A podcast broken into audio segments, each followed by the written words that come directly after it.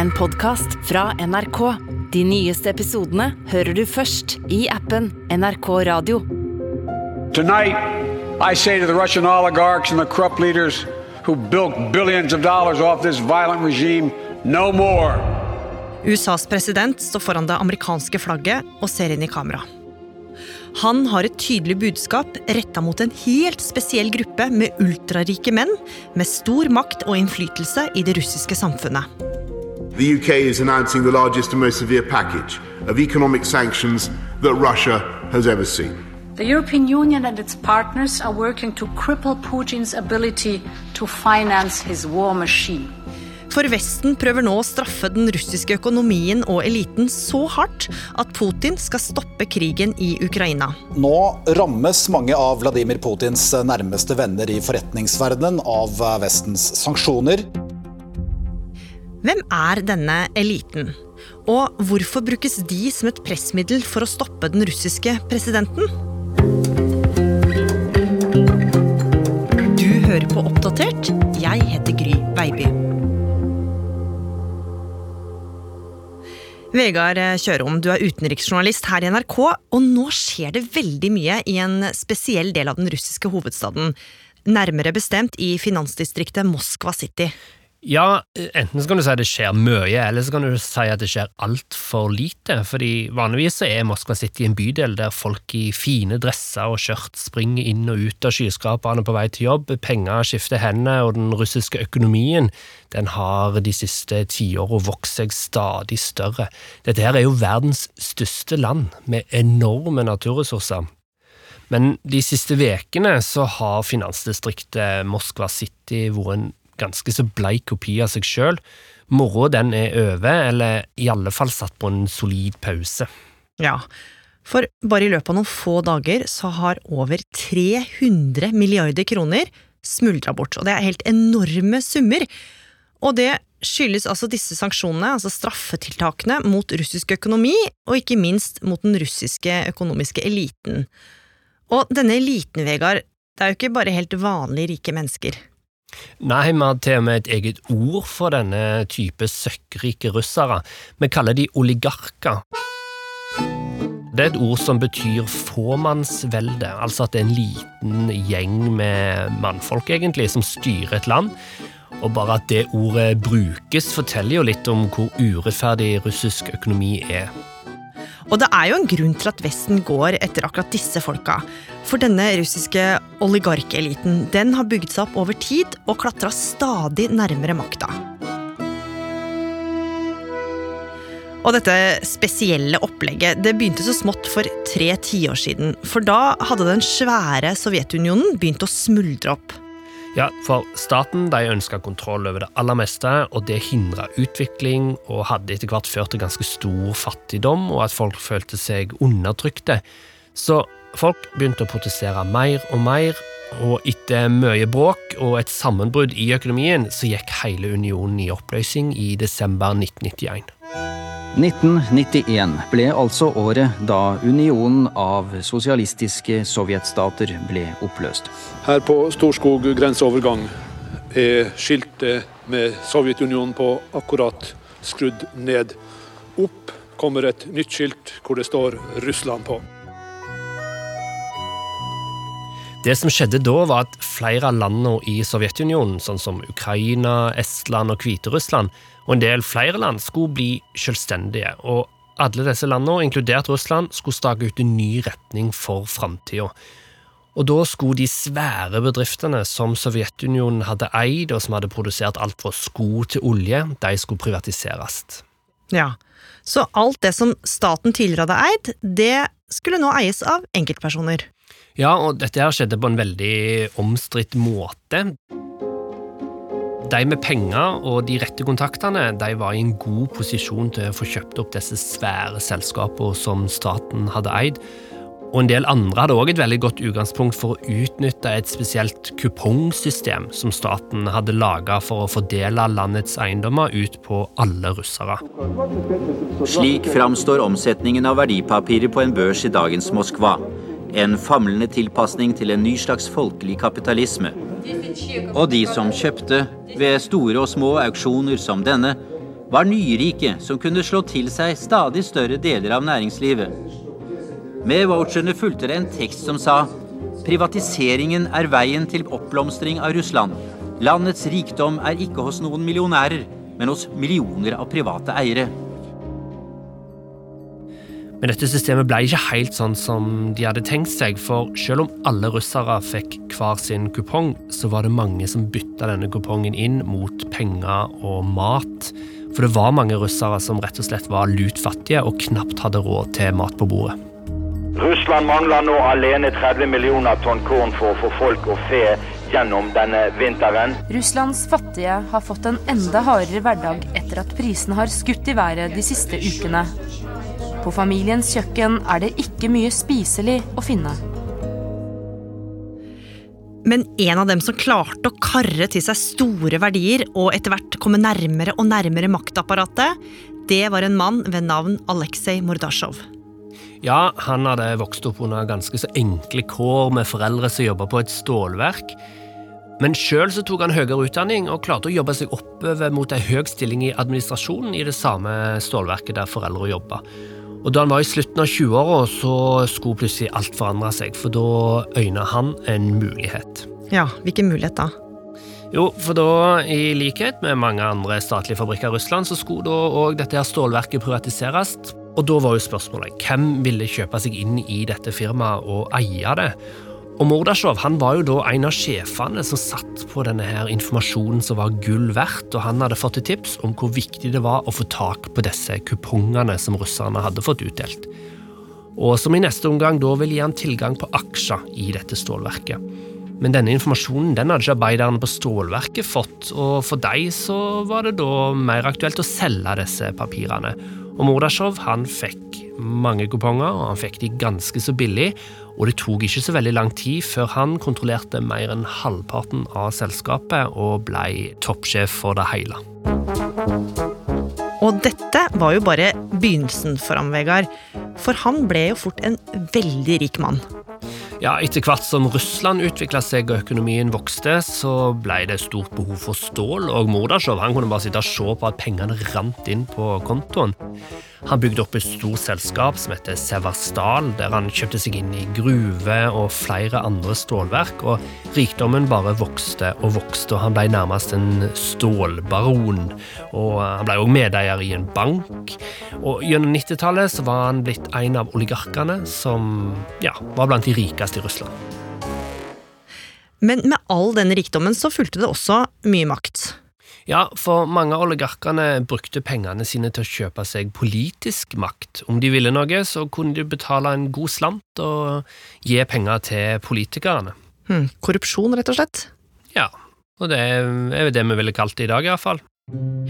Men så skjedde det etter hvert noe som skulle få Mordasjov til å skjønne at det kanskje ikke ville bli like enkelt å være oligark framover. Ja, for da verden var på vei inn i et eh, nytt årtusen, da fikk Russland en ny statsleder. Vladimir Putin heter, ikke overraskende, presidenten i Russland for de neste fire åra. Utenlandske investorer mener valget av Putin vil føre til oppgang i den russiske økonomien. Politika властей должна быть более взвешенной, должна отражать реалии существующих э, в России процессов. Uansett hva man mener om Vladimir Putin, så er det neppe tvil om at med ham som sjef i Kreml, så får Russland en mer stabil og forutsigbar leder enn tidligere. Nå var en ny mann ved makta, og Vladimir Putin han viste etter hvert hva han syntes om folk som sa han imot. Og det kunne ikke oligarken Mordasjov unngå å legge merke til, Vegard. Nei, Mordasjov så eh, blant annet hva som skjedde med hans nære venn Mikhail Khodorkovskij. Han var en av Russlands rikeste menn, og mm, det er nok enkelte som mener at han kanskje ble litt for kritisk til myndighetene. eh, for Han mente annet at myndighetene blanda seg for mye inn i forretningslivet, og at de var for autoritære og korrupte. Og En sånn holdning falt nok ikke helt i god jord hos den nye sjefen eh, Vladimir Putin. For Khodorkovskij ble arrestert i 2003 og senere dømt for skatteunndragelse og bedrageri. Mikhail Khodorkovskij hadde også politiske interesser. Bl.a. støttet han president Putins opposisjonspartier og mange mener derfor saken mot ham er politisk motivert fra Kremls side. Og uansett om Khodorkovskij faktisk var skyldig, eller om han ble dømt pga. sine politiske meninger, så ble iallfall dette tolka til at mange oligarker de burde ligge litt lavere i terrenget og ikke kritisere den politiske eliten like mye som før. Ja, så det ble tydelig at man burde holde seg inne med presidenten, og det passa Mordasjov på. Fordi før han nå gjennomførte store handler, f.eks., så sjekka han alltid at Putin støtta ham. Så for Mordasjov og en del andre oligarker så fortsatte det å gå veldig bra. Ja, finanseliten i Russland var fortsatt ganske så liten, men den ble stadig rikere. På starten av 2000-tallet så eide faktisk de ti rikeste familiene i Russland hele 60% av alle verdiene på børsen. Og Mordasjov var en av de som holdt fram med å holde Putin tilfreds, og han dundra på videre. Ja, Hva gjorde han? Ja, Blant annet så starta han et eget flyselskap, eh, og så kjøpte han òg en betydelig andel av det store europeiske reiseselskapet TUI, som vi i Norge kanskje kjenner bedre som tidligere Startur. Oi! Ja, og det er nok mange nordmenn òg som har lagt igjen litt penger i uh, hans selskap når vi har uh, satt oss på flyet til Gran Canaria for å nyte is og brus på sandstranda der. Og Mordasjov han pøste på med penger til det lokale ishockeylaget i heimbyen sin. Han ga masse penger til det verdenskjente Bolsjoj-teateret og det russiske herrelandslaget i sjakk. Men ikke minst så fortsatte han å bygge opp formuen sin for å bli rikere og rikere. Og etter hvert så eide han ikke bare én megayacht, men faktisk to megayachter. Og det mm. kan jo nesten virke som et litt sånn obligatorisk oligarkkjøp. Rett og slett et lite must? Ja, en må jo ha en yacht. Og samtidig som Mordasjov og de andre oligarkene ble rikere, så gjorde de fleste oligarkene noe som kanskje virker litt merkelig. For mens Mordasjov ble værende i Russland, så flytta mange andre superrike oligarker til utlandet. Ja, og da spesielt til London. London's really the most important city in the world after Moscow for the Russian elite. This is where they stash their cash. They invest their money here through the city of London. Der oppsto det faktisk et eget nabolag som på folkemunne bare fikk navnet Londongrad. Og dette er en del av London hvor du kan finne luksusbiler stående på rekke og rad, og ungene til de rike russerne ble sendt på dyre privatskoler, og ja, i det hele tatt så lever russerne her i en enorm luksus. Og flere oligarker i London kjøpte seg flere gigantiske eiendommer med villaer og slott og tennisbaner og parkanlegg. Og noen kjøpte seg også inn i de store fotballklubbene i Premier League. Men Vegard, utover at de likte britiske fotballag og kjøpte store Downton Abbey-aktige slott, hvorfor havna flere av disse oligarkene i London? Altså, Først og fremst er det jo kanskje en god del status i det å kjøpe seg inn i disse bygningene som hadde husa britiske aristokrater. og og Det å få tilgang til bra privatskoler for ungene ga jo òg en veldig høy status. Men så var det òg en del andre grunner. Russerne ble beskyldt for å bruke London til å reinvaske korrupte penger. De investerte disse verdiene sine i aksjer, eiendom og luksus, og når de da solgte de verdiene videre, så hadde svarte, snuskete penger blitt litt eh, reinvaska. Hmm. En annen grunn er at de kanskje trodde at de da ville få mer kontroll på pengene og friheten sin ved å ha pengene plassert i en del ulike land, og iallfall ikke bare i Russland, der Putin jo styrte med en ganske sterk hånd. Og så var det jo òg ganske mange folk hjemme i Russland som var misfornøyd med disse oligarkene, fordi de mente at eh, oligarkene hadde frarøvet de penger, og dette var penger som de mente hadde kommet langt flere folk til gode om det hadde tilhørt staten. Hmm. Men i London så kunne de altså leve sine helt spesielle luksusliv bak lukka dører. Samtidig som de da øste ut penger til gode formål og kjøpte verdens dyreste privatbåter. Mm, men for Mordasjov sin del da, så hadde han òg en del luksus i livet sitt, akkurat som oligarkene som hadde bosatt seg i London. Men han, han ble værende i Russland. Og Der passa han bl.a. på at eh, Putin var vennen hans. De siste åra er det tatt en del bilder av de to sammen. Og Da kan du ofte se de i litt sånn forretningsaktige situasjoner der de sitter med dress på seg og overfor hverandre rundt et møtebord eller kontorpulter. Så det gikk stadig bedre for Mordasjov, og han ble etter hvert Russlands rikeste mann. Og i fjor så kom han seg faktisk helt opp til 51.-plass på Forbes' sin liste over verdens rikeste personer. Hmm. Så livet smilte til eh, Mordasjov. Men så, en torsdag i februar, skulle det skje noe som endra alt мною принято решение о проведении специальной военной операции. The Russian President Vladimir Putin has launched a major military operation against Ukraine. Nå er det altså i gang det folk her ikke trodde kunne skje, mange her i Kiev. Freden på vårt kontinent er blitt knust. Vi har nå krig i Europa i et omfang vi trodde hørte historien til. The war in Ukraine has begun. Europa og verdenssamfunnet var i sjokk. Ja, og statsledere fra hele Europa ble hasteinnkalt til møter i Brussel. Og agenda for møtet var ganske enkel. Hva i all verden skulle de gjøre for å stanse Russland? Og hva var de viktigste tiltakene som ble diskutert, Vegard? Ja, altså for eksempel så diskuterte de å stenge Russland ut ifra Swift-samarbeidet. Altså det når penger skal flyttes over landegrenser, så bruker vi ofte Swift for å få det til å fungere. Og hvis Russland blir utestengt for det, så vil det være veldig vanskelig for uh, russere i det hele tatt å kanskje flytte penger hjem igjen til Russland, eller penger ut av Russland, og drive handel, rett og slett. Så var det òg forslag om å ramme den russiske sentralbanken. Eh, og så diskuterte de òg sanksjoner mot oligarkene. Mm. Og det hadde blitt prøvd før, med hell, i 2014, da Russland okkuperte Krimhalvøya i Ukraina. Så nå diskuterte de på nytt å utvide de sanksjonene. Ja, Og sanksjonene mot uh, oligarkene, hva ville de bety i praksis? Jo, altså Det å sanksjonere en oligark og de nærmeste slektningene og samarbeidspartnerne rundt den oligarken, det betyr at disse folka får ikke brukt pengene sine, eiendommene sine, og at en rett og slett fryser de helt ut økonomisk.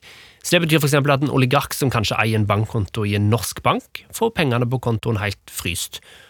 Og da blir det ulovlig å handle eller gjøre transaksjoner med de, og det kan faktisk bli sånn at til og med det å få en elektriker på besøk for å gjøre en jobb, eh, blir umulig, fordi de kanskje setter over penger for den jobben som elektrikeren da har gjort. Og troligvis vil det òg bety at de mister mange av handelspartnerne sine, de mister mange av avtalene og kontraktene, og de får heller ikke mulighet til å selge alle de dyre husene og flyene og yachtene som de eier. Det er òg verdier som blir fryst. Ja, Så de blir rett og slett helt økonomisk låst. Og det ville jo få enorme konsekvenser for oligarkene. Men Vegard, hvordan kunne det ramme Putin? Jo, altså For det første så spekuleres det jo i om flere av Putins oligarkvenner skjuler òg penger for Putin og hans private formue. Og om en stopper dem og deres midler, så vil òg Putin bli ramma og kanskje òg knebla rent økonomisk. Samtidig så kan det jo òg føre til at disse oligarkene distanserer seg for Russlands politikk og Putin, og tar et oppgjør med det som Russland holder på med i Ukraina. Og alle disse sanksjonene diskuterte de vestlige lederne seg imellom uten å lande på noe. Men så kobla en ny møtedeltaker seg på digitalt. Og denne mannen fikk de europeiske lederne til å forstå alvoret. Slava Ukraina! Ukrainas president Volodymyr Zelenskyj talte til EUs mektigste personer. Han sa at dette kunne være siste gangen de fikk se han i live, og han ba Europa om å beskytte Ukraina, og at de skulle gjøre dette ved å sanksjonere Putin hardt. Og denne talen, på ti minutter, den endra kursen i Europa. Og etter talen ble det enda tydeligere at dette var en svært alvorlig situasjon for Ukraina og Europa. Og USA og flere andre vestlige land innførte flere økonomiske straffetiltak. Og de neste dagene skulle det bare komme enda flere. Now we have a clear mission. This hideous and barbarous venture of Vladimir Putin must end in failure. We are resolved to continue imposing massive costs on Russia. Costs that will further isolate Russia from the international financial system and our economies. EU-landene vil stenge luftrommet for russiske fly, og dette forbudet gjelder også privatfly, noe som er meint å skulle ramme de russiske oligarkene. Og det tok ikke lang tid før Russland merka de økonomiske sanksjonene. Moscow residents stood in long queues for ATMs on Tuesday as Western sanctions hit residents on the street. Anxiously watching the currency exchange as the ruble's value keeps plummeting. Many residents here in St. Petersburg expressed pessimism about the direction of the Russian economy. Все катится к чертям. Og frykten begynte å spre seg blant eh, den vanlige russer. Eh, Moskva-børsen ble også holdt stengt, og det var tydelig at sanksjonene det påvirka både dagliglivet, men også finanslivet i Russland. Men hvordan merka oligarkene det her? Altså De vestlige landene som hadde innført sanksjoner, de publiserte offentlige lister med navn over russiske oligarker som skulle sanksjoneres. Og på disse listene sto jo faktisk Mordasjov. Aleksej Mordasjov er Russlands eh, rikeste mann. Ifølge Forbes har han en formue på 259 milliarder kroner. Russian oligarchs feel the pain of Putin's war. They're going to target yachts, real estate, and ill gotten riches of Putin's inner circle, the oligarchs with wealth parked around the world. Og det er jo mange som har eh, satt i gang å se etter disse superyachtene til oligarkene, for de er jo ikke akkurat lett å gjemme. Nei, og det er et poeng med disse yachtene, fordi italienske, tyske og franske myndigheter de har begynt å beslaglegge disse svære båtene. For det er verdier som tilhører disse oligarkene, som er sanksjonerte av hele Europa. Hmm. Og vår oligarkvenn Mordasjov han har jo selvsagt to av disse gigantene sjøl. Den ene, Lady M, den har italienske myndigheter gått om bord på og tatt kontroll over. Mens den andre, og den største, som heter Nord, den eh, ligner egentlig mer på et krigsskip enn et luksusskip, kanskje. Den ligger utenfor Seychellene. Eh, og privatflyet til Mordasjov har òg hatt turer til disse paradisøyene langt ute i Det indiske hav de siste ukene. Men om Mordasjov sjøl er på båten, og om han har sovet ved disse flyene, eller i det hele tatt hvor han er, det vet vi ingenting om. Men uansett hvor han befinner seg, så har nok Mordasjov virkelig merka disse her sanksjonene. For litt sånn over natta så fordufta bare 50 milliarder kroner fra formuen hans. Så er han ikke lut fattig av den grunn. 50 milliarder kroner det utgjør en femtedel av alt det han eide før sanksjonene kom, men det er jo fortsatt mye penger, da. Og mens oligarkenes yachter har levd utrygge liv i flere europeiske havner, så har et stort russisk skip lasta med aluminium fått innpass i Oslo havn. Skipet eies av den russiske oligarken Vladimir Lisin. Og også i Narvik har en svær oligarkyacht ligget i havn i flere uker. Det har fått flere politikere til å diskutere om norske havner bør stenges for russiske skip. Men til tross for at båtene fortsatt kan ferdes fritt i Norge, så mener mange at de vestlige landene begynner å få et lite balletak på de sanksjonerte oligarkene. Ja, Det er jo spennende å følge med på om disse her sanksjonene faktisk får oligarkene til å stå opp for fred. I en uttalelse så har Mordasjov kalt krigen en tragedie mellom to brødrefolk, eh, og han har bedt om at krigen skal ta slutt. Han sa òg at han aldri har vært tett på politikk, og at han ikke har noe som helst med den politiske spenninga som pågår nå, og at han heller ikke forstår hvorfor EU har innført sanksjoner mot han. Men samtidig så ser vi jo òg at mange vestlige medier rapporterer at han og Putin har vært ganske nære venner. Mm.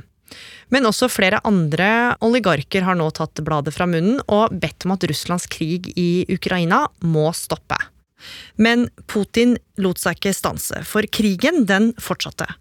Og utover invasjonens andre uke varsla USA og Storbritannia enda hardere økonomiske tiltak. Today, I'm announcing the United States is targeting the main artery of Russia's economy. We're banning all imports of Russian oil and gas and energy. EU ville kutte kraftig importen av olje og gass fra Russland. I går bestemte USA seg. Storbritannia følger etter, og EU vil vurdere å kutte det. Og også store internasjonale selskaper varsla at de ville trekke seg ut av det russiske markedet. På lista var selskaper som Ikea, Coca-Cola, Apple, Hense Maurits og Nike. Men også stadig flere privatpersoner ble lagt til sanksjonslista. En av dem var den berømte Roman Abramovic, som nylig solgte seg ut av fotballklubben Chelsea. Storbritannia har vedtatt nye sanksjoner mot flere russiske oligarker. Blant dem som blir rammet, er Chelsea-eier Roman Abramovic. Abramovic vil ifølge britiske myndigheter få verdiene sine frosset og få et forbud mot økonomiske overføringer med britiske enkeltpersoner og bedrifter, pluss et reiseforbud. Og alt dette, altså sanksjonene mot eh, oligarker som Mordasjov, men ikke minst også russisk økonomi, det er de strengeste og største økonomiske straffetiltakene i nyere historie. Og derfor har vi henta inn deg nå helt til slutt, Cecilie Langum Becker, du er økonomikommentator her i NRK. Og du følger med på konsekvensene av dette. Hjelper egentlig sanksjonene? Altså, Putin har jo ikke stoppa krigen. Altså, Foreløpig så virker det ikke som dette biter på i det hele tatt. Man vet jo f.eks. ikke hvordan det er for den vanlige russer akkurat nå. Man hører jo f.eks. at man sitter der med penger på konto som egentlig ikke lenger er noe verdt, i hvert fall målt i utenlandsk valuta. Du har jo sett Russere har jo stilt seg i kø utenfor minibanken og tatt ut både dollar og euro. Eh, de får ikke tak i varer eh, som de er avhengig av fra utlandet veldig mange av dem mister jo også arbeidsplassene sine. Vi ser jo at veldig mange vestlige bedrifter, f.eks. alt fra McDonald's til store amerikanske konsulentfirmaer, stenger kontorene sine der borte. Og hva gjør du da? Da mister du jobben. sånn at uh, for den vanlige russeren så oppleves jo dette selvfølgelig kjempedramatisk. Men dette er egentlig ikke noe vi får noen sånne offisielle rapporter om. Hva har det egentlig å si at oligarkene blir straffa? Altså Håpet var jo at uh, disse oligarkene skulle legge press på Putin, og at uh, det skulle bidra til å stanse krigen. Men uh, det ser jo ikke ut som det har vært noen bevegelse der i det hele tatt, så det har jo fått mange til å stille spørsmålet om er det egentlig oligarkene som styrer Putin, eller er det faktisk Putin som styrer oligarkene? og det ser jo absolutt ut som nå at det er det sistnevnte som gjelder. At det er, det er jo Putin som har makten. Cecilie, hva vil skje framover nå? Det er sjelden vanskelig å spå nå. Jeg tror aldri jeg har vært uh, borti en lignende situasjon der hvor det er så umulig å vite uh, hvordan dette kommer til å ende. Kommer det til å komme flere sanksjoner? Uh, hvor lenge varer denne krigen? Det er helt i det blå.